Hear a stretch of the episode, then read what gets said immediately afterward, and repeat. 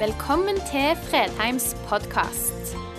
For mer informasjon og ressurser, besøk oss på fredheimarena.no, eller finn oss på Facebook.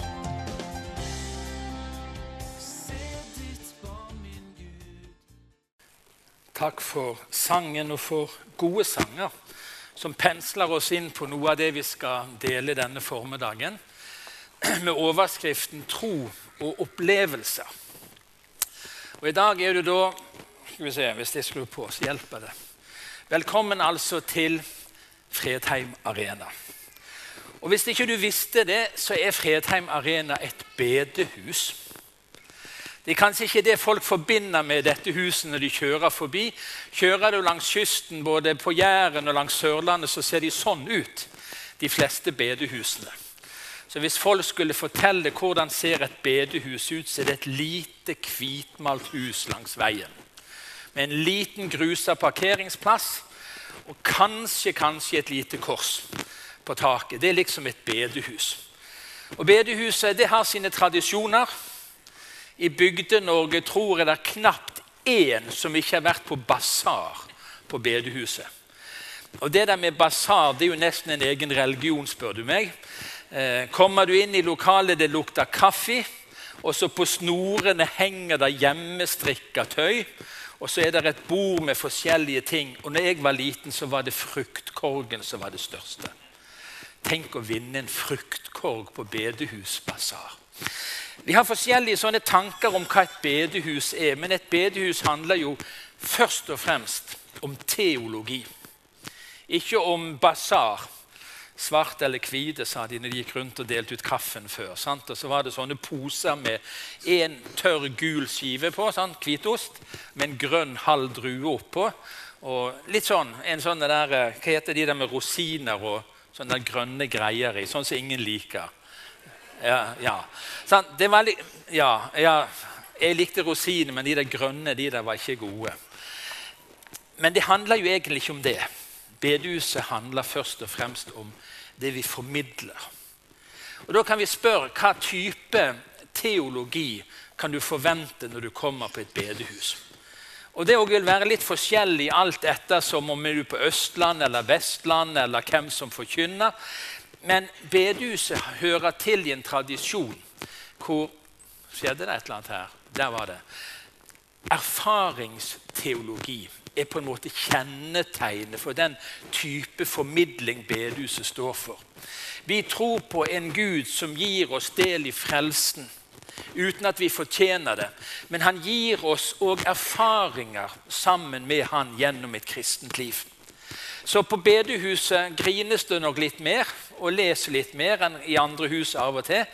Noen steder er det mer opptatt av kunnskapsformidling. og I vår tradisjon så skulle kunnskapen gå ifra hodet, så måtte det plantes ned i hjertet. Så kan det bli for mye følelser. Vi kan bli så opptatt av følelser og erfaringer at vi blir slaver av det. Men tradisjonen som du nå er kommet inn i når du er på Fredheim, som er et bedehus, er det et eller annet Rolf som ikke stemmer? Ja. Han er lydmann, og ikke vet jeg. Sånn er det med disse. I gamle dager på bedehuset så var det ikke sånn som dette her. Det kan jeg bare si. Da talte de på friluftsmøter for, friluftsmøter for 7000 mennesker uten mikrofon. Tenk på det. Ja vel, er du fornøyd? Ja vel. Er dere òg? Ja. Var det bedre nå? Ja. Vil noen komme og fikse på innholdet med det samme? Bare sånn at i tilfelle det var noe, så ja. Men det kan dere ta etterpå. sant? Ja. Her sitter jo mye godt folk her som mener sikkert mye om dette her. En professor på NLA, eh, Gunnar Jonstad, han, sa, altså han stilte et spørsmål om vi makter å balansere forhold mellom de, de der subjektive, følelsesmessige erfaringene som har en rettmessig plass i kristenlivet, mot det som er objektivt, det som står fast uansett hva du måtte føle. Det er det som er noe av spenningen i vår tradisjon. Det der å finne et sunt rom for følelser og erfaringer. Målt ut ifra noe som står fast. Noe som du aldri trenger å diskutere. Det står skrevet, det står i Bibelen. Eh, og Litt i denne balansen skal vi være i formiddag. I dag så skal vi på høyden. Ja, jeg kan ikke si at dere kommer på høyden, men vi skal snakke om høyden. For kristenlivet har høyder. Det er erfaringer hvor du bare føler at du flyr gjennom landskapet. Jeg har møtt noen som har vært på sånne jeg skal ikke si kvinner, men Viken. Sånn, eh, sommerstevner og sånt. Og de trengte jo ikke kjøre hjem, sa de. De kunne bare flydd hjem. Altså, de, de var på en høyde. Og mange av oss har vært i sammenhenger hvor hele følelseslivet er på en måte Wow, dette her er fantastisk. En del av erfaringene. Andre ganger så er det helt annerledes. Det er mørkt. Det er tungt. Det er stengt. Og så er spørsmålet er Gud mer til stede i høyden enn han er i dybden. Eller er det sånn at når vi kjenner mørket, er det da ikke fra Gud? At Gud bare er i det lyset? Jeg skal prøve å si litt om det. Det vi skal på en måte vurdere og på en måte måle det ut ifra Har du en bærekraftig tro som tåler livet sånn som det er? Er det noen av dere som hadde andre forhåpninger til kristenlivet når dere var yngre? Og andre forhåpninger til deg sjøl, hvordan du skulle bli? Jeg trodde jo at når jeg var 60, så skulle jeg være sånn cirka helliggjort tvers igjennom. Jeg tenkte kanskje det når jeg var 15-16. Jeg kan si, jeg syns det er verre med mange ting enn det var når jeg var 15-16. Jeg håper det ikke oppleves sånn for andre. Men mine følelser forteller at det er mange ting som jeg skulle ønske var annerledes. Det har vært gjennom i mitt liv, i deres liv, ting som du aldri ville ønske et annet menneske skulle oppleve. Har troen båret gjennom det? Er du fremdeles en av de som vil følge Jesus når troen prøves skikkelig? Du møter motgang, du møter det mørke. Tåler vi livet sånn som det er? Og Vi ba litt om det og har tenkt på det før denne gudstjenesten. Dette rommet må være et rom hvor du har lov å være ærlig med livet sånn som det er. Ikke sånn som du skulle ønske det var. Du skal få lov å kjenne og erfare og være deg sjøl uten å bli fordømt. Ut ifra at det er en bestemt mål på hva du skal føle og oppleve hvordan du skal være som kristen. For vi er forskjellige men det handler om en bærekraftig tro. Og nå skal du få en lang lang tekst. Det er den lengste teksten jeg har brukt i dette året. Så nå setter du det godt til rette, og så leser vi. Så skal du få lov å lese fra, Johan, nei, fra 2. Korinterbrev kapittel 12. Så har Paulus en utrolig spennende tekst. Denne kunne vi ha brukt dagevis på å åpne. Og jeg skal prøve meg på 40-50 minutter, 60 minutter. har jeg. Det har lett. Vi får se. Nei, 35 ca. Og så begynner Paulus. Jeg må skryte av meg selv, enda det ikke tjener til noe. Jeg kommer nå til de syner og åpenbaringer jeg har fått av Herren. Jeg vet om et menneske i Kristus som for 14 år siden ble rykket bort til den tredje himmel. Om han var i kroppen eller utenfor kroppen, vet jeg ikke. Gud vet det. Men jeg vet at dette mennesket ble rykket bort til paradis. Om han var i kroppen eller utenfor kroppen, vet jeg ikke. Gud vet det. Og der fikk han høre usigelige ord som et menneske ikke har lov til å uttale. Dette mennesket kan jeg være stolt av, men meg selv vil jeg ikke være stolt av. I så fall bare av mine svakheter. Og selv om jeg skulle ønske å være stolt, ville jeg ikke være fra forstanden, for det jeg sa, ville være sant. Men jeg lar det være, for jeg vil ikke at noen skal gjøre seg større tanker om meg enn det de får når de ser og hører meg.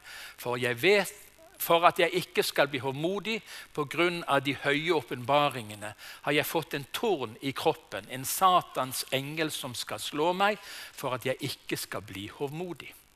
Tre ganger ba jeg Herren om at den måtte bli tatt fra meg, men han svarte, Min nåde er nok for deg, for kraften fullendes i svakhet.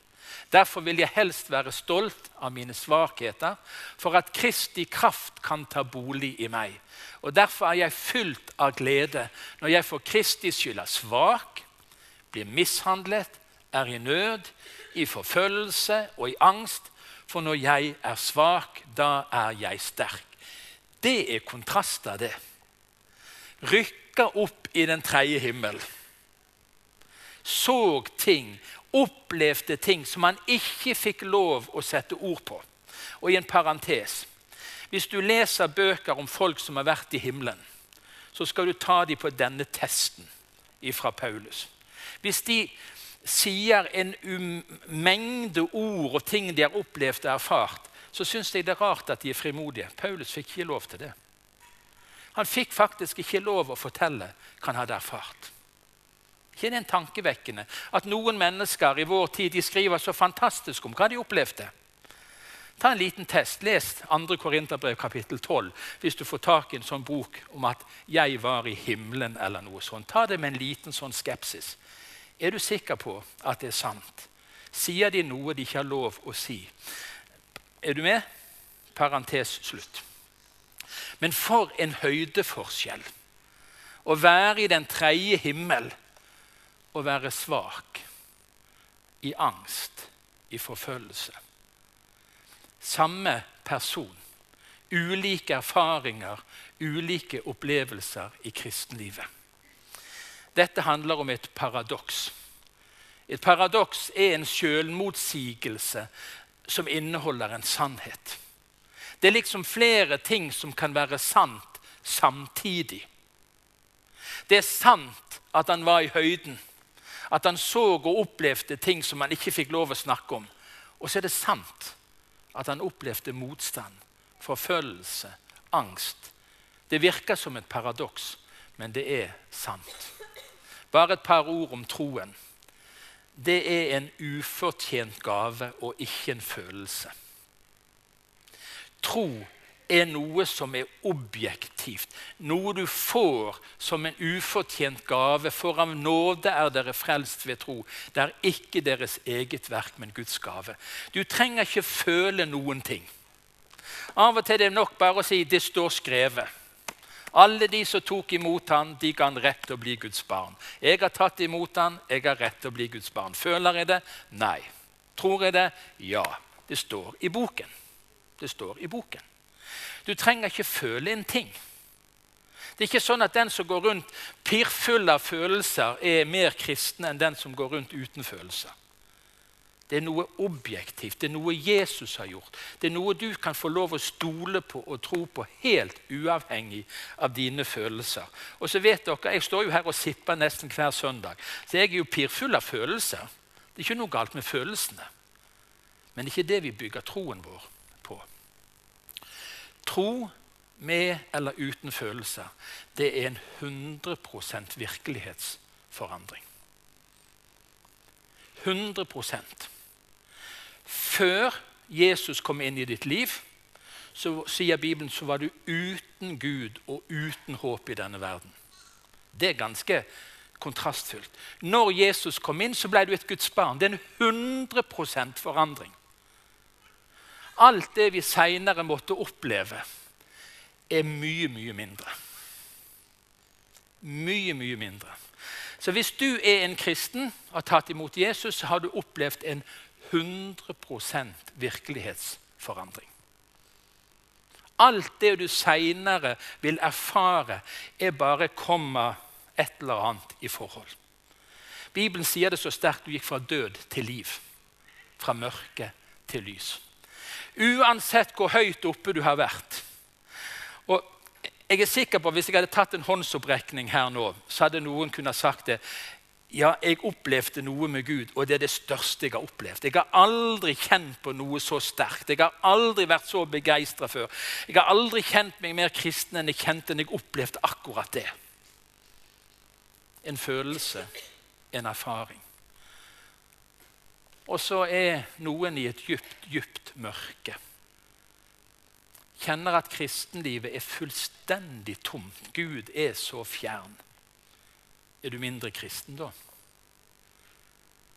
Er det sånn at da er alt snudd på hodet? Gjelder ikke den 100 %-regelen lenger? At du har gått gjennom en erfaring, en forandring fra død til liv? Jo, den gjelder. Der er bildet av min favorittartist. Andrew Crouch, som døde for noen år siden. Og Jeg fikk oppleve det at han brukte mitt kontor som green room en gang han hadde konsert på Fredheim. Jeg hadde ikke lyst til å vaske det kontoret de neste månedene. Han satt på min pult i min stol. Og Han har jeg fulgt siden jeg var sånn 14-15 år gammel og vært på utallige konserter. Som 14-åring så skrev han en sang.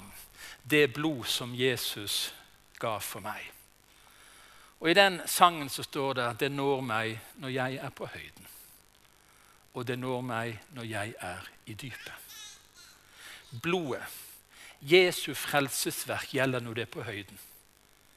Jesu frelsesverk gjelder, gjelder deg når du er på dypet. Det er ingen forskjell. Det er uansett hva du føler, uansett hva du opplever. Det Jesus har gjort, det blir ikke sterkere på høyden. Det blir ikke svekka i dypet. Jeg måtte sette meg ned i går og høre gjennom den sangen i tre-fire forskjellige utgaver. Og jeg må si det I en sånn svart gospel Harlem-kirke svingte det litt ekstra.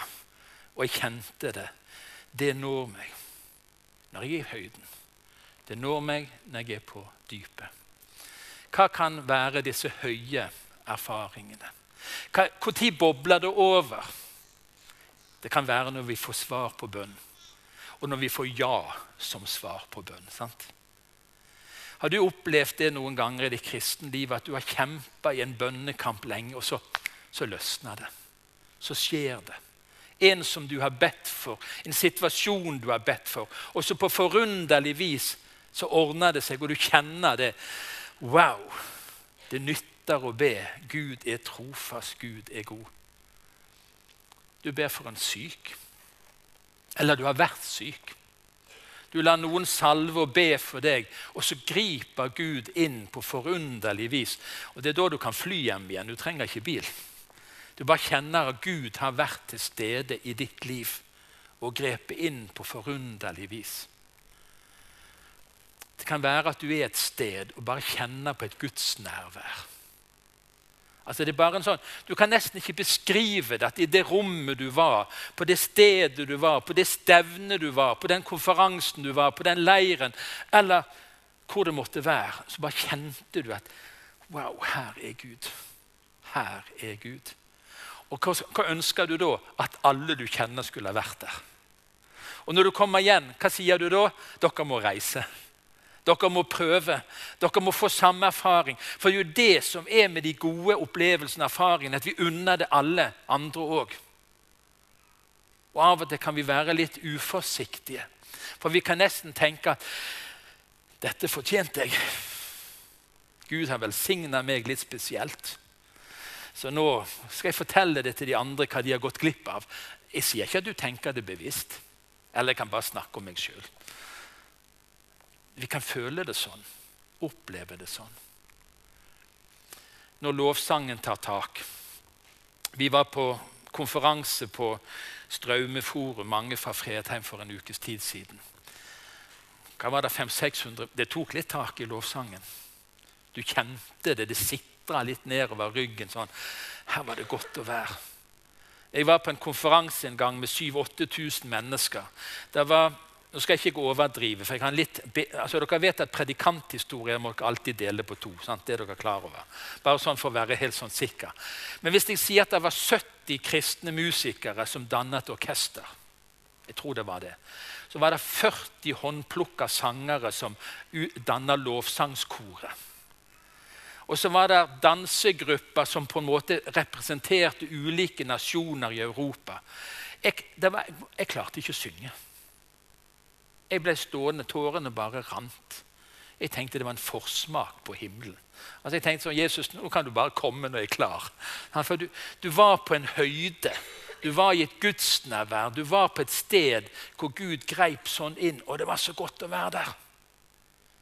Peter var jo forresten med Jesus en gang. Her var det godt å være, sa han Jesus. Skal vi bygge en hytte? Vi går ikke ned igjen i dalen. Her, her vil jeg være. På høyden. Eller når du i en ganske enkel hverdag sitter med Bibelen, åpner den, og ser det som Jesus kommer vandrende ut av bokstavene. Den boken som ofte er så tung og uforståelig blir liv for deg. Så kjenner du wow. En vanlig onsdag. Nei, det er mandag som er hele året. ikke det de synger. Mandag hele. En vanlig mandag. Hvor ordet åpner seg, og du kjenner wow, hvor herlig det er. Hvor god Gud er, hvor stor Gud er. Du er på høyden. Jeg kommer nå til de syner og åpenbaringer jeg har fått fra Herren. Det er lov, og Gud gir oss det. Gir oss erfaringer som sprenger våre ord og forståelse og rammeverk. Og vi må ikke være så snare til å helle kaldt vann i blodet på folk. Av og til er det noen sånne som tror at deres mål med kristenlivet er å dempe andre. Har du møtt noen sånne? Hvis du har opplevd noe, så sier de ja, det går nok over. Bare vent til hverdagen kommer. Hverdagen kommer fort nok. Du trenger ikke hjelpe folk til det. Hvis du kommer hjem fra et stevne full av begeistring, og Gud har møtt deg, så står det noen klar. Ja, sånn har jeg òg hatt det en gang, men det gikk over. Det er rart hvordan det er noen sånne åndelig politi som skal hele tiden prøve å dempe. Ta imot det Gud gir. Ta imot det. Gled deg over det. Fryd deg over det. Men det er bare det at det ikke alltid er det Gud gir. Av og til så blir det ikke bønnesvar. Av og til får du nei. Av og til føler du at bønnen når ikke til taket engang. Det når knapt ut av munnen din. Det virker fullstendig stengt. Hva da? Er ikke Gud Gud da? Er ikke troen en kristen tro da? Elsker ikke Gud deg da? Når du ikke får det svaret som du ønsker. Jeg tror de fleste av oss som er her, har kanskje flere bønner vi ennå ikke har sett oppfylt, enn de vi takker for. Har vi ikke det? Ikke det situasjoner i livet vår eller i andre sitt liv som vi er urolige for. Og så ser det ikke ut til å løse seg uansett hvor mye vi ber. Jeg vet ikke hvor mange ganger jeg har hatt med oljeflasken. Åpna den og tegnet korsets tegn på en panne. Og bedt troens bønn, som det står i Jakobs brev kapittel 5. Og så ser det ikke ut til å skje noe. Ser det ikke ut til å skje noe. De siste dagene eh, så har mange av oss vært i bønn for en bibelskoleelev som var utsatt for en ulykke på bibelskoletur i Israel. 22 år. Jeg tror halve Norge ba i en periode. På torsdag er det begravelse. Han ble ikke helbredet. Og jeg tenkte, når jeg fikk vite dette, så hadde jeg en litt sånn sånn Jesus, du gikk jo rundt der nede i Jerusalem. Du var der fysisk, du helbreda mennesker. Du vekte til og med opp døde. Kan ikke du vise din makt nå? Kan ikke du gripe inn i den sykehussengen? Den unge gutten som ligger der. Kan ikke du vise hvem du er? Svaret ble ikke sånn som vi håpte. så var det minnemøte i Fana kirke for noen dager siden. Og så ble et av hans favorittbibelvers lest. Om jeg lever eller dør, hører jeg Herren til. Det er ganske sterkt. Var han for svak i troen? Var vi for svake i troen?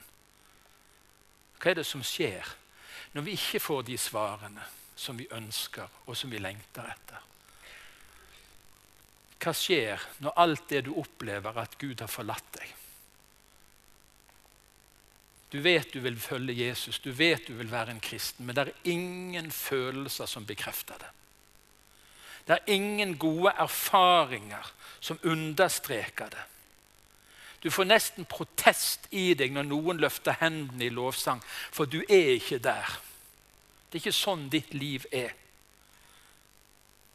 Gjennom Kirkens historie så er dette blitt kalt for sjelens mørke natt. Der er et eller annet som rammer vår sjel. Vi vil tro, vi vil følge Jesus. Men det er bare så dørgende mørkt. Og det ser ikke ut til å lysne. Er du mindre frelst da? Har du ikke noe du kan hvile i da? Er det følelsene dine du må vente på til de kommer på plass? Eller kan du rett og slett falle til ro? Det står skrevet. Det står skrevet. Fremdeles står det skrevet at alle de som tok imot han, de kan rett til å bli Guds barn. Sånn er det.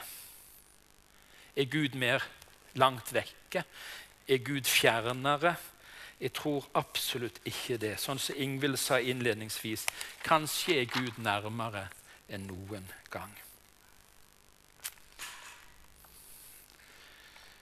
Jeg husker en preken jeg holdt for noen år siden. og Jeg er jo ikke en sånn vanlig sånn trøstefull predikant. Det har dere sikkert opplevd. Noen av dere savner kanskje det. Kunne trøste oss av og til, og ikke bare utfordre. Men jeg husker en preken jeg holdt et sted. Jeg, jeg syns hvert ord jeg sa, dryppa av trøst. Av håp. Av muligheter. Og så kommer der igjen Jeg har aldri følt meg så elendig som når du preikte i kveld, sa han. Det var bare fordømmelse i alt det du sa. Så tenkte jeg, kjære Gud, hvordan skal jeg preike til trøst hvis det er sånn det blir mottatt? Men han var i et mørke. Alt han leste i Bibelen, var det som fordømte han. Alt det han kjente i sitt følelsesliv, var det som var gått i stykker. Når, du, du når ikke inn av og til. Av og til er det bare helt svarte natten. Og så blir jeg nesten provosert når Paulus på en måte oppsummerer i dette avsnittet. Og derfor er jeg fylt av glede. Når jeg for Kristi skyld er svak, blir mishandlet, er i nød, i forfølgelse og angst. Jeg tror at det må være en annen nøkkel for at vi skal kunne forstå det. Jeg tror at hele troen vår trenger å settes litt på sånn Hva er det å være en kristen? Når er jeg Guds barn? Er det når jeg er der oppe, og så er Gud vekke når jeg er der nede? Eller er det en annen nøkkel? Er det en annen måte å forstå livet på enn at det er en sånn medgangsseilas i lett bris og sol hele døgnet? Hva er det å være menneske? Hva er det å være et kristen menneske? Hvis målet er gode følelser, hvis målet er gode erfaringer, gode opplevelser Hvis det er det vi hele tiden skal måle det ut ifra, eller kanskje det er en annen nøkkel. Kanskje det er en helt annen nøkkel. Et vers i 1. Korinterbrev kapittel 12 handler egentlig om nådegavene, men er blitt for meg et sånn nøkkel til det som har med åndens gjerning å gjøre i våre liv. Hos hver enkelt gir ånden seg til kjenne slik at det tjener til det gode. hos hver enkelt. I ditt liv, i mitt liv.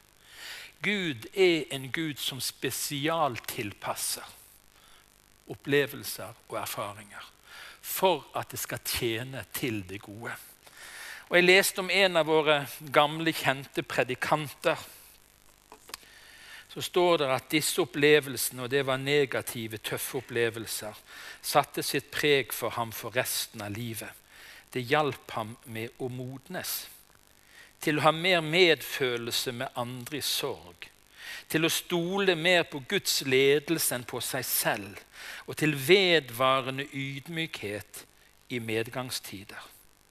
Han sa selv at det ble mer balanse i gudslivet hans da han så at Gud vil være far i både medgang og motgang. Jeg skal ikke si at vi trenger det mørke for å vokse. Men Gud behandler oss sånn som han ser vi trenger det. Og Hadde vi hatt tid til å åpne opp den teksten som vi har lest nå fra 2. Korinterbrev kapittel 12, så vi, kunne vi ha sett det hvor snublende det lett for oss er å bli hovmodige når vi bare har medgang. Det er nesten så vi fortjener det. Vi er på A-laget. og så er de andre på B-laget. Og Paulus kjente det så tydelig at nå hadde han opplevd noe som var så stort at Gud måtte faktisk gi han en utfordring for at han ikke skulle rose seg av seg sjøl. Og vet du hva? Jeg tror vi ligner på Paulus Aldemann. Jeg tror det. Jeg tror vi har samme fristelse i oss til å synes at vi fortjente det. Det skulle bare mangle. Og alle andre må ha det sånn som meg for at det skal være rett. Det er ikke bevisst, men ubevisst så sniker det seg inn. Og så kommer Gud, og så gir han Paulus en lekse. For at alt skulle være av Gud. Alt han skulle rose seg av, skulle være Gud. Og så sier han når jeg er svak, det er da jeg er sterk. Det er da jeg er sterk. Et lengre bibelvers, Roman 8, 38 og 39. For jeg er viss på at verken død eller liv, verken engler eller krefter, verken det som er i det høye eller i det dype, eller noen annen skapning skal kunne skille oss fra Guds kjærlighet i Kristus Jesus, vår Herre. Vet du hva? Det er ingenting Enten du er i høyden eller du er i dybden. Enten du føler Guds nærvær eller Guds fravær. Enten du fryder deg eller du er fortvila. Det er ingenting, sier Bibelen, som skal kunne skille deg fra Guds kjærlighet. Hvis du kom til Fredheim i dag bare av sur plikt og gammel vane. Det hørtes forferdelig ut. Takk og lov at noen kommer av gammel vane. Ja, vi skulle hatt flere av de som kommer av vane. Men det var ingenting som drog deg til Guds hus i dag. Det var ingen forventning. Det var ingenting. Du er ikke skilt fra Guds kjærlighet. Hvis du kom som Anette fullt av optimisme, for hun trodde hun skulle få en god preken i dag. Sant? For jeg hadde røpt litt på forhånd. Du får det jo verre enn oss andre. Sant? For du har jo lagt listen så høyt. Sant? Forventningene. Ja, men vet du hva? Guds kjærlighet er lik. Guds kjærlighet er den samme. Du er elska med en fullkommen kjærlighet nå. Det er ingenting i denne verden mellom himmel og jord som skal kunne skille deg fra Guds kjærlighet i Jesus. ikke det flott? Ingenting. Og Nå skal du få med deg et par oppmuntringer før jeg sier amen. Og Dere som vil ha endring på teologien, det tar vi på gangen etterpå. sant? Dere som syns det trengtes. Det har vært noen og bedt foran gudstjenesten om Gud skal minne flokken på noe. Og så har de fått noen bibelvers, og kanskje er det akkurat til deg. Jeg vil gi deg framtid og håp. Jeg vil gi deg framtid og håp. Jeg skal ikke etterlate dere farløse. Jeg kommer til dere. Tyven kommer bare for å stjele og ødelegge. Jeg har kommet for at dere skal ha liv og overflod. Se, jeg kommer snart. Hold fast på det du har, så ingen skal ta din krone. Med evig kjærlighet har jeg elsket deg. Det er Guds ord til deg. Guds hilsen inn i ditt liv. Det når meg når jeg er på høyden. Det når meg når jeg er i dypet det blod som Jesus for meg ga. Den frelse som du har fått del i, ikke basert på dine følelser. Den er ikke basert på dine erfaringer. Det er basert på et kors. Hvor en ble spikra fast for din skyld, for din synd. For at du med frimodighet skulle få være et Guds barn. Uansett hvordan livet ditt er uansett, skal vi be sammen. Herre, du kjenner oss. Du vet hvordan vi har det. Du vet hvordan hverdagen vår er akkurat nå. Du vet hvor vi er i vår vandring med deg. Noen kommer fra det djupeste mørket, Herre, og lengter etter lyset. Herre, takk for at du er i stand til å møte oss på det djupeste, djupeste punktet i vårt liv. Fordi du har vært der, Jesus. Det står der at du er prøvd i alle ting i likhet med oss. Du er prøvd dødens mørke. Du har prøvd å bli forlatt av Gud. Og Herre, jeg ber konkret at du kommer til noen denne formiddagen som kjenner seg forlatt. Kunne de få lov å hvile i at når de tok imot deg, Jesus, fikk de retten til å bli Guds barn. Og ingenting kan skille dem fra Guds kjærlighet i Kristus Jesus. Amen.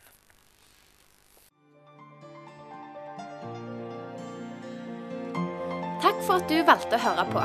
Nye opptak legges ut hver uke. Vi har gudstjenester hver helg, og du er hjertelig velkommen.